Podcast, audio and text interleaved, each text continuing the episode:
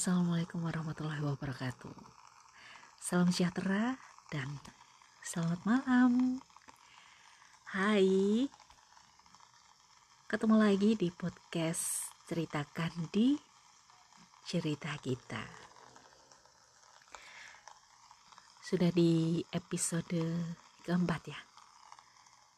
Oh ya, uh, selamat tahun baru buat semuanya buat kawan-kawan yang dengerin podcast ceritakan di cerita kita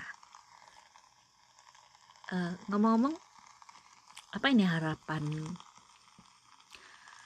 untuk tahun ini kalau aku sih yang utama dan pertama pastinya aku pengen yang namanya COVID-19 ini segera musnah dari dunia. Jadi kita bisa bebas lagi menghirup udara, uh, bisa bebas jalan-jalan, bisa kerja dengan nyaman, gitu ya. Nah buat kawan-kawan yang masih menikmati libur, libur tahun baru, selamat berlibur ya. Dan kalaupun cuma di rumah, ya sudah dinikmati aja. Karena pasti sekarang udah tahu ya, kalau di rumah aja tuh kegiatannya apa. Salah satunya dengerin podcast ceritakan di cerita kita ya. Oh ya, jangan lupa juga tetap patuhi protokol kesehatan, pakai masker di tempat umum, bukan di teman umum aja sih ya. Ketika kita keluar sebisa mungkin usahakan pakai masker. Terus juga sering-sering cuci tangan pakai sabun. Kalau terpaksa nggak ada air dan nggak bawa sabun ya udah pakai hand sanitizer aja. Cuman usahakan sebisa mungkin karena memang yang paling baik itu cuci tangan pakai sabun. Gitu ya uh, di malam ini aku pengen bacain satu cerita. Ini kebetulan uh, udah dapat izin dari temen dia juga seorang penulis. Terima kasih buat akun Anharani tapi biasanya sih banyak yang kenal dengan beliau itu atas nama Raini Venesia.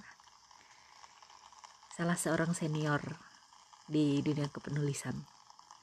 Kenapa aku bilang senior? Karena beliau sudah ada buku terus uh, apa namanya intinya ilmunya lebih tinggi deh dari dari aku. Terima kasih ya buat Mbak Reni yang sudah mengizinkan aku nyomotin satu-satu tulisannya nanti buat dibacain di podcast ceritakan di cerita kita.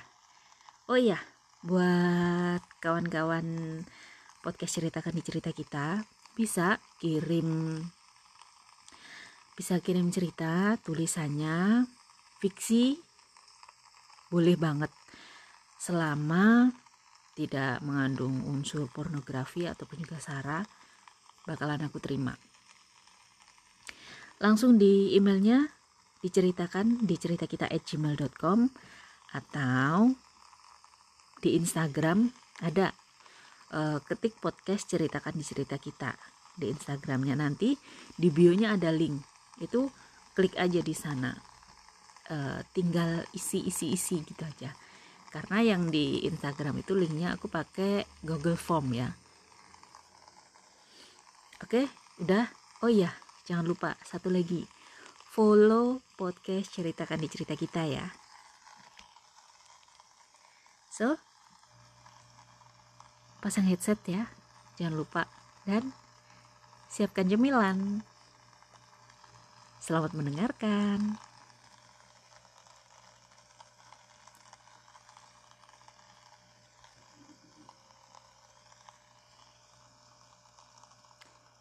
Dendang Hujan oleh Raini Venesia. Bandung terlihat cerah pagi ini. Hangatnya menerobos kisi-kisi jendela, lalu menyebar ke seluruh ruangan rumah sakit di Jalan Soekarno-Hatta.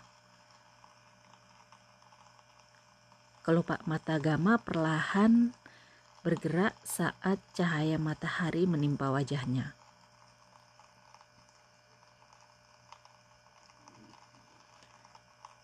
Akhirnya kau bangun juga. Sebuah suara membuatnya terkejut dan menoleh. Sosok tinggi semampai dengan balutan tunik hitam dipadu kerudung hitam motif abstrak berdiri di samping tempat tidur. Senyumnya mirip seringai ejekan di mata Gama.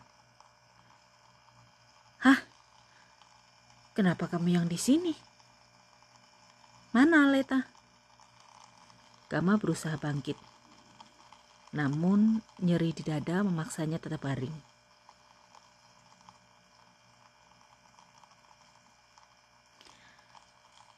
Alita tak mau bertemu denganmu. Gadis berkacamata itu mendekat dan duduk di kursi. Lalu dengan sikap menyodorkan segala susu yang terletak di, di meja. Gama mengernyitkan dahi. Sedetik kemudian menghabiskan minuman berwarna putih itu tanpa basa-basi.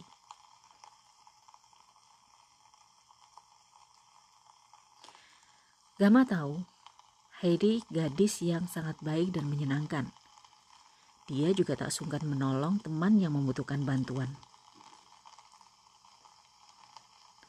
Namun, sejak Aleta terasa mulai menjauh karena saran perempuan itu, Gama menaruh rasa marah yang tak terhingga, jika itu bukan dikatakan benci. Aleta adalah cintanya, satu tahun berjuang tanpa henti demi mendapatkan perhatian bintang kampus. Satu tahun kemudian, menjalin hubungan dengan Liku yang tak mudah. Sempat beberapa kali putus, lalu kemudian bersama setelah memohon dengan penuh kesungguhan. Gama benar-benar mencintainya Seolah dunia berubah menjadi gelap ketika seminggu yang lalu gadis berdarah Betawi itu meminta melupakannya.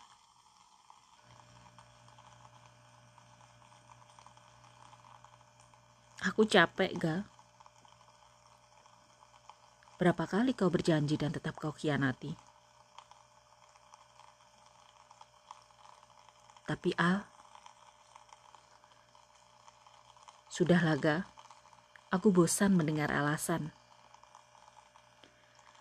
Gama menarik napas, lalu dihempaskannya dengan kasar.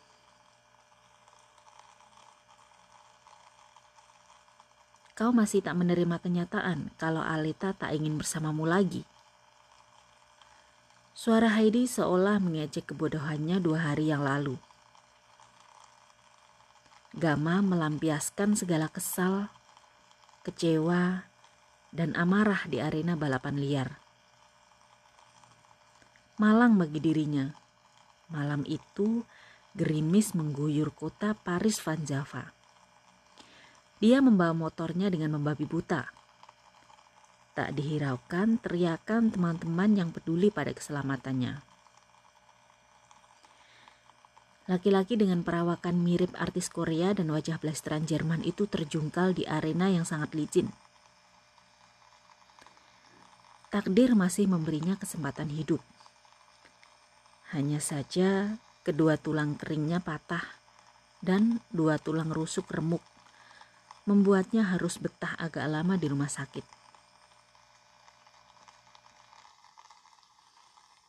Dua perawat masuk membawa nampan saji.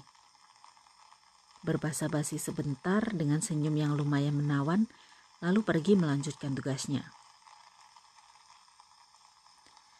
Karena aku sedang berbaik hati, Mau aku suapin?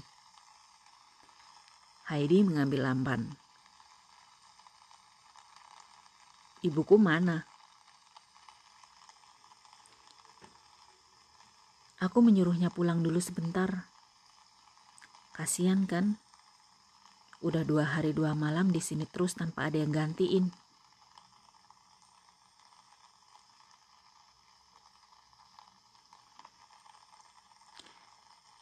Sekali lagi Gama merasa terpukul. Selama ini Heidi terang-terangan menentang hubungannya dengan Alita. Banyak alasan yang dia beberkan pada sahabatnya itu. Salah satunya adalah sepak terjangnya dengan para darah kampus. Meskipun terhadap Aleta perasaannya nyata dan bertekad serius, tapi tetap saja sulit dipercaya.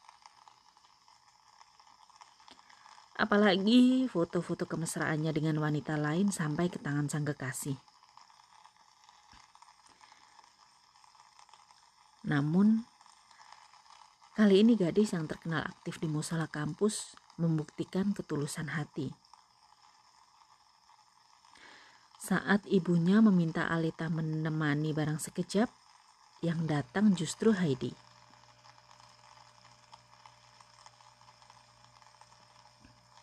Gama menatap wajah manis dengan bibir tipis yang terlihat serius mengaduk bubur.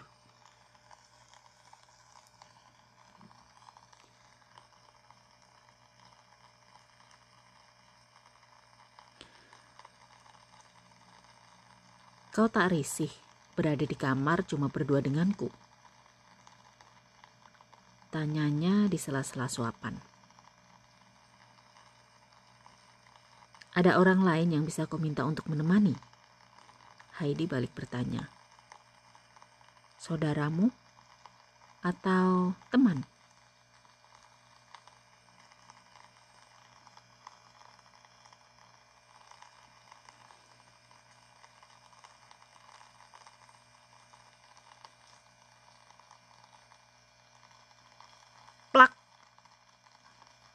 Tamparannya lebih keras daripada sebuah tangan kokoh. Semua orang tahu siapa dirinya. Berjuang hidup berdua dengan sang ibu jauh dari tanah kelahiran. Jangankan saudara, ayah pun tak tahu bentuk hidungnya. Dia hanya punya seorang wanita yang telah melahirkannya. Wanita hebat yang bersikokoh mempertahankan janin dan membesarkannya hingga sekarang. Seorang jabang bayi oleh-oleh selama bekerja di negeri orang. Karenanya pula wanita itu terusir dari kampung halaman dan dihapus dari daftar keluarga.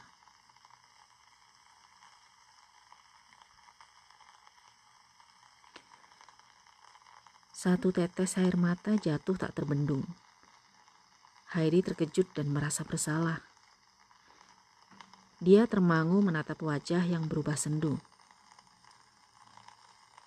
Bagaimanapun juga, mereka pernah berteman cukup lama. Heidi mengenal Gama dengan cukup baik. Laki-laki itu menyembunyikan jiwa yang rapuh di balik sikapnya yang cenderung arogan.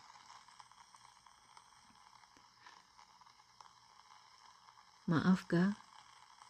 Aku tak bermaksud menyakitimu. Heidi tertunduk. Aku tak percaya. Mengapa Tuhan masih membiarkanku hidup? Gama.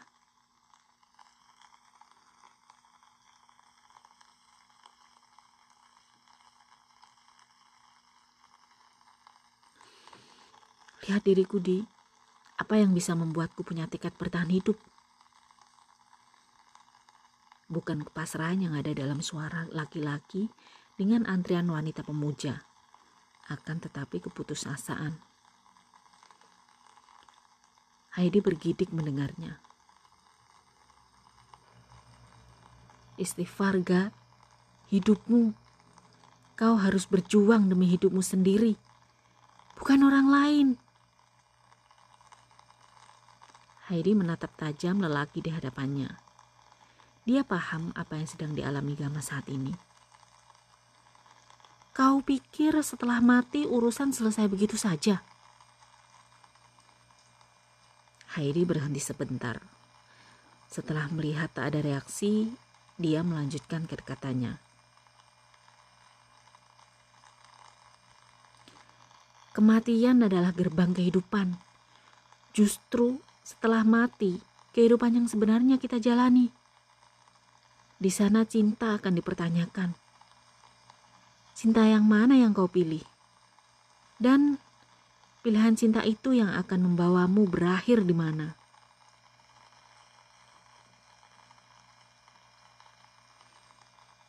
Gama menatap Heidi.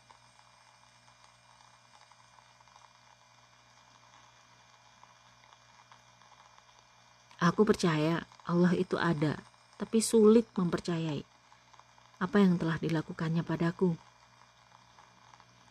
Tak peduli hidupku seperti apa, tapi aku ingin Alita ada di sini. Oh iya? Mata Heidi terbelalak diiringi sungingan senyum penuh satir. Seorang perempuan bukan butuh seorang laki-laki saja. Dia menginginkan seorang imam dalam hidupnya di dunia dan akhirat.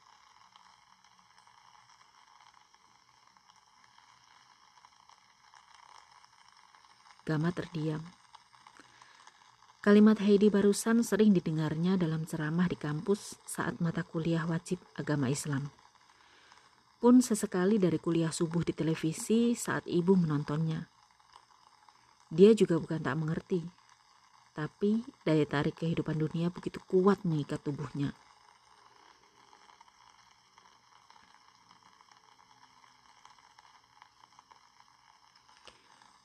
Jika kau menginginkan Aleta, harusnya kau tunjukkan bahwa dirimu layak untuknya. Keninggama berkerut mendengar kata-kata Heidi barusan. Lalu Otaknya yang merekam jejak gadis cantik pujaan kembali mengingat perbedaan di antara mereka.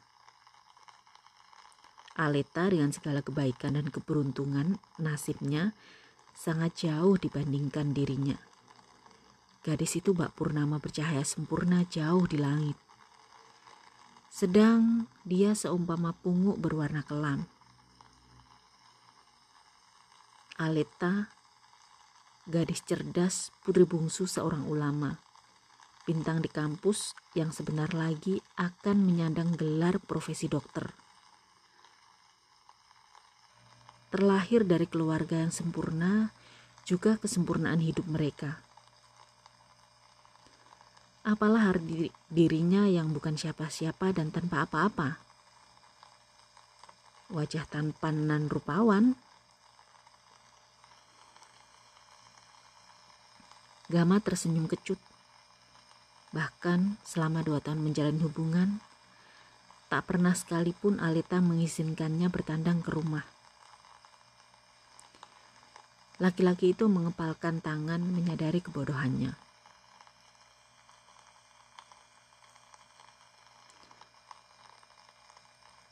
Lalu,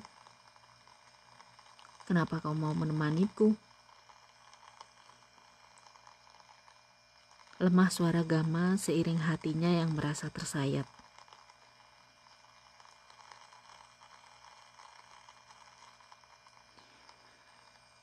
Sudah kukatakan, aku peduli pada ibumu. Heidi meletakkan nampan di meja. Kau, kau tetaplah temanku, dan aku menghormati dia sebagai seorang ibu. Heidi tersenyum. Kali ini terlihat manis.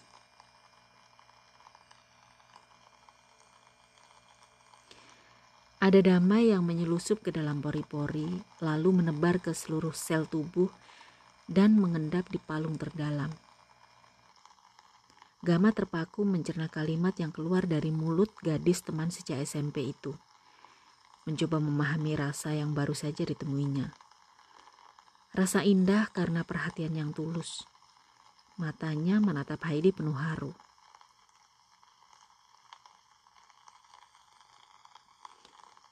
Kau tahu rasanya terluka oleh orang yang paling dicintai. Heidi terlihat serius. Sakit hatimu karena cinta belum seberapa dibanding luka yang diderita ibu karena melihatmu. Sesuatu mencekik lehernya sehingga merasa sulit bernapas. Gama tertunduk. Bayangan tingkah lakunya selama ini berputar layaknya sebuah slide film.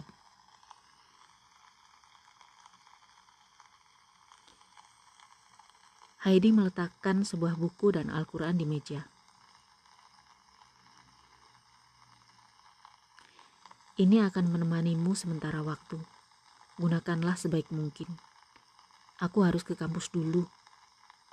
Jangan khawatir, teman-teman Rohis sedang menuju ke sini. Heidi meninggalkan ruangan setelah mengucap salam. Gama tertegun. Dengan ragu, dia mengambil Al-Quran dan mulai membacanya dengan terbata. Dua minggu pasca operasi, Gama menjalani perawatan intensif dengan semangat. Ada yang berbeda dengan dirinya seiring kunjungan Heidi yang hampir tiap hari. Berbicara dan berdiskusi dengan gadis berwajah kaku itu membawa suasana yang lain dalam jiwa lelaki bertampang artis tersebut. Gama seperti tanaman kering yang disiram lalu tumbuh menjadi pohon yang rindang. Secepat angin bertiup, perubahan yang terjadi ketika Hidayah menyapa siapa saja yang Allah kehendaki. Wajah yang terlihat kuyu kini semeringah dipenuhi senyum. Terlebih ketika sang ibu dan Heidi hadir bersamaan.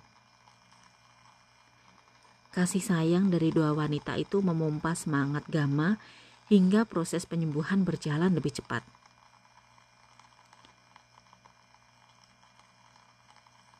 Satu hari lagi, Gama diperbolehkan pulang.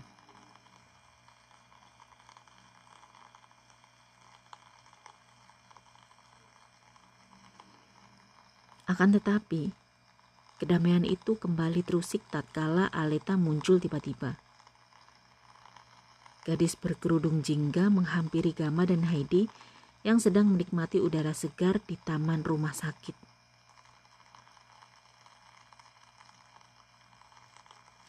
Langkahnya tergesa seolah penuh emosi.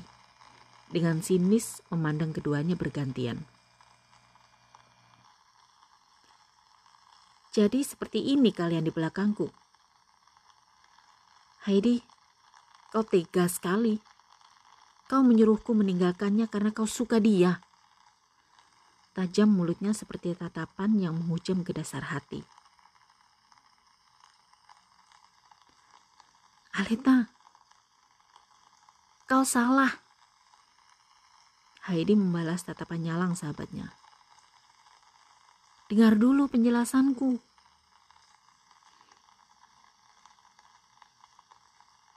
Aku muak Aleta berlalu begitu saja. Heidi menarik napas dalam dan berat. Kau baik-baik saja? Tanya Gama. Menurutmu? Heidi mendorong kursi roda menuju ruangan. Keduanya berbicara dalam diam.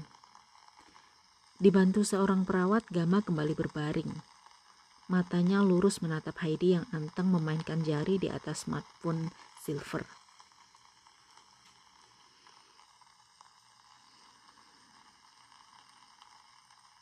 Aleta salah paham, itu pasti.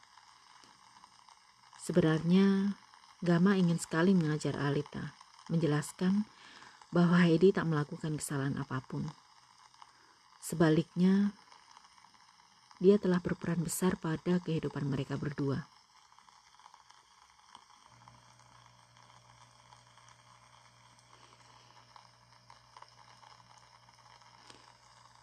Dia tak akan menjawab teleponmu. Pergilah.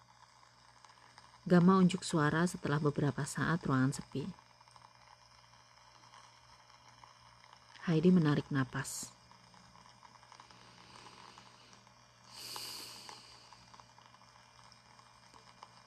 Aku butuh sandaran, Di. Heidi menumbuk bantal di belakang punggung pasien. Aku juga butuh kamu sebagai seorang teman. Gama menatap gadis itu penuh harap. Dia sadar tak akan mampu seorang diri menjalani hari.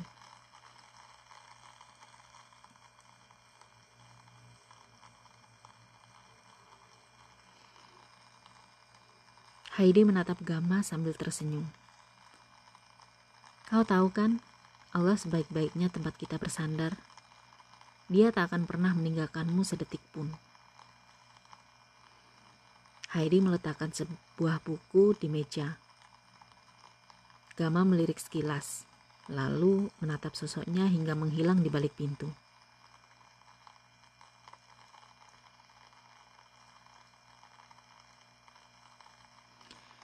Sebulan berlalu dengan cepat. Heidi menyesali sikap Alita yang keras kepala. Dia bahkan menolak untuk bertemu dengannya. Ayah dan ibu Alita pun tak mampu mencairkan kebukuan hubungan mereka. Heidi pasrah. Hingga satu hari gadis yang resmi menyandang gelar dokter itu datang tiba-tiba. Sebuah undangan tergenggam erat di tangannya.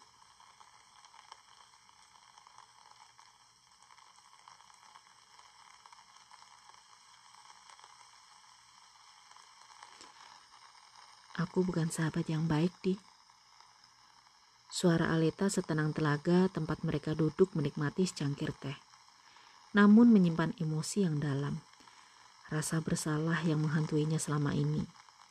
Karenanya dia meminta bertemu di tempat yang dulu sering mereka kunjungi. Kau salah. Kau sungguh sahabat terbaik yang pernah aku miliki. Heidi tersenyum membuat lawan bicara merasa nyaman. Jadi, kau menerima lamaran Kang Alpar?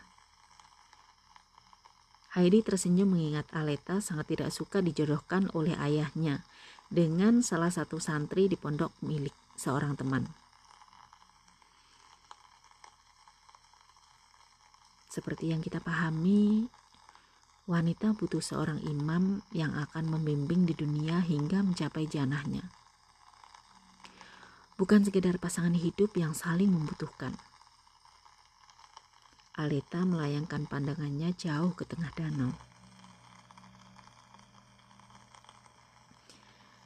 Heidi terdiam. Dipandanginya wajah yang memiliki kecantikan layaknya bidadari dalam dongeng. Bulu lentik menghias pasang mata belok, hidung mancung berpa berpadu bibir tipis merah delima. Dilengkapi pipi yang selalu merona dan lesung pipit saat tersenyum sebagai penyempurna. Kau masih mencintai Gama? Heidi bertanya dengan sangat hati-hati. Alita tersenyum getir. Apalah artinya cinta jika menjauhkan kita dari cinta sejatinya? Bukankah begitu? Garis itu menoleh pada Heidi. Heidi mengangguk, tak ingin panjang lebar membahas masalah ini. Melalui gerak tubuh yang ditampakkan, dia tahu Aleta masih menyimpan cinta yang besar untuk Gama.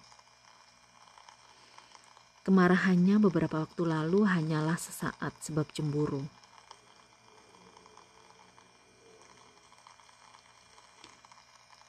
Keadaannya sudah membaik.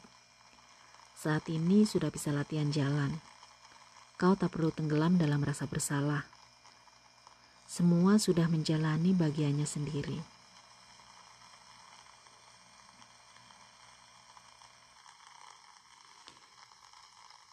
Keduanya terdiam, menikmati alunan angin memetik daun-daun. Mencoba memahami ayat-ayat yang tersirat dalam setiap hembusannya.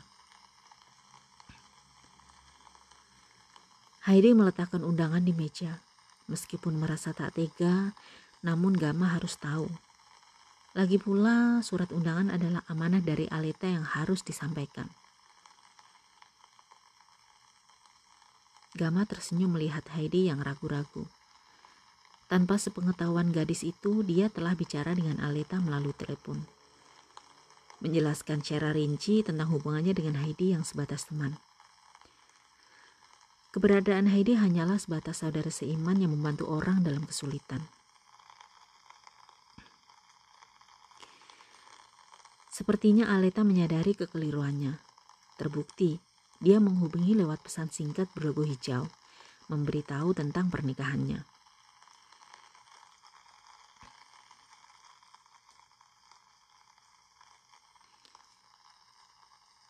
Kau bareng aku ke sana.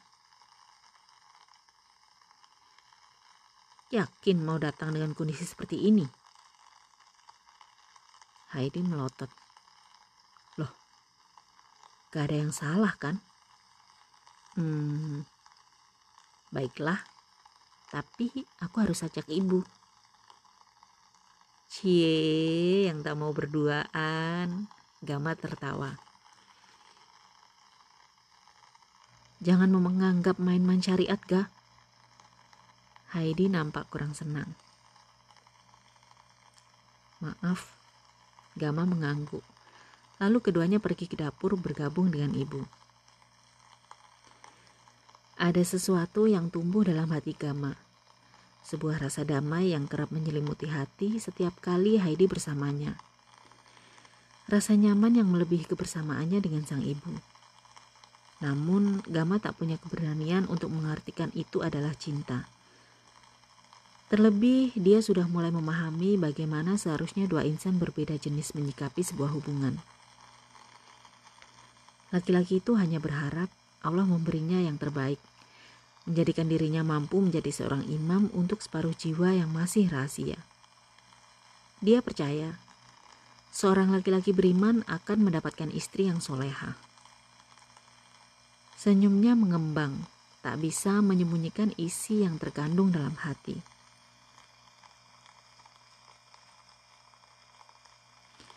Hujan mengguyur Bandung sejak pagi, membasahi tanah merah yang masih bertabur bunga. Gama terduduk di kursi roda memandang nisan yang sebuah nama tertulis di sana. Heidi. Laki-laki itu merutuki dirinya sendiri karena telah membiarkan gadis itu menjadi tameng saat kecelakaan tunggal terjadi.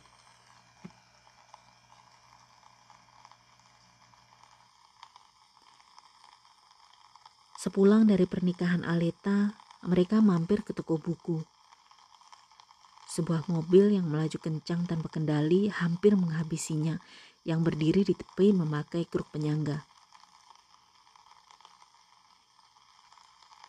Saat itu Heidi yang menyadari adanya bahaya langsung mendorongnya hingga terjatuh. Namun dia terlambat melompat menyelamatkan diri.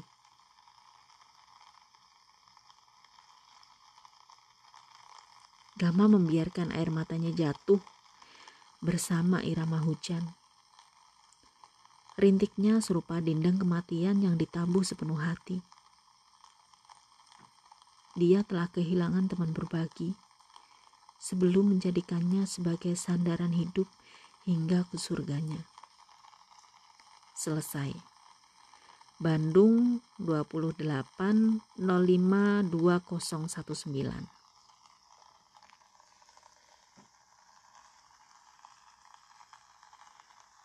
Ternyata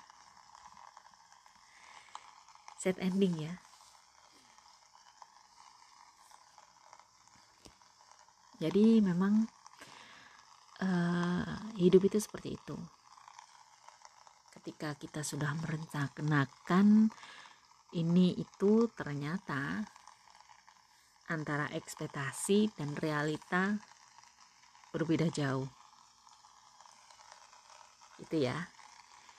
Cuman ketika hal itu terjadi, semoga saja buat kawan podcast ceritakan di cerita kita jangan terlalu disesali karena pasti di balik semua itu ada pelajaran yang bisa kita petik.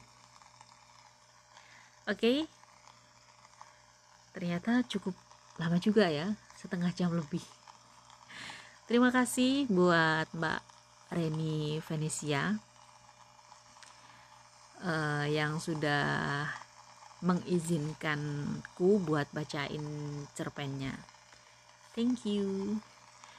Dan buat kawan podcast ceritakan di cerita kita boleh yang mau tulisannya dibaca fiksi boleh banget based on true story dipersilahkan juga langsung aja di emailnya diceritakan di cerita kita at gmail.com atau boleh langsung cari di Instagramnya podcast ceritakan di cerita kita. Nanti di bionya di sana ada link Google Form. Jadi kalian tinggal klik aja langsung meluncur ke Google Form. Jadi tinggal isi formnya terus tinggal dikopas itu nanti ya uh, tulisannya oke segitu dulu. Dan kayaknya juga kering nih. Tenggorokan juga udah kering ya. Terima kasih buat kawan-kawan semuanya yang sudah mendengarkan. Dan jangan lupa follow ya. Biar uh, nambah pendengarnya, followernya. Dan juga follow Instagramnya. Dan kalau bisa jadikan story di Instagram. Nanti aku repost deh. Oke? Okay? Terima kasih buat semuanya. Selamat malam dan wassalamualaikum warahmatullahi wabarakatuh.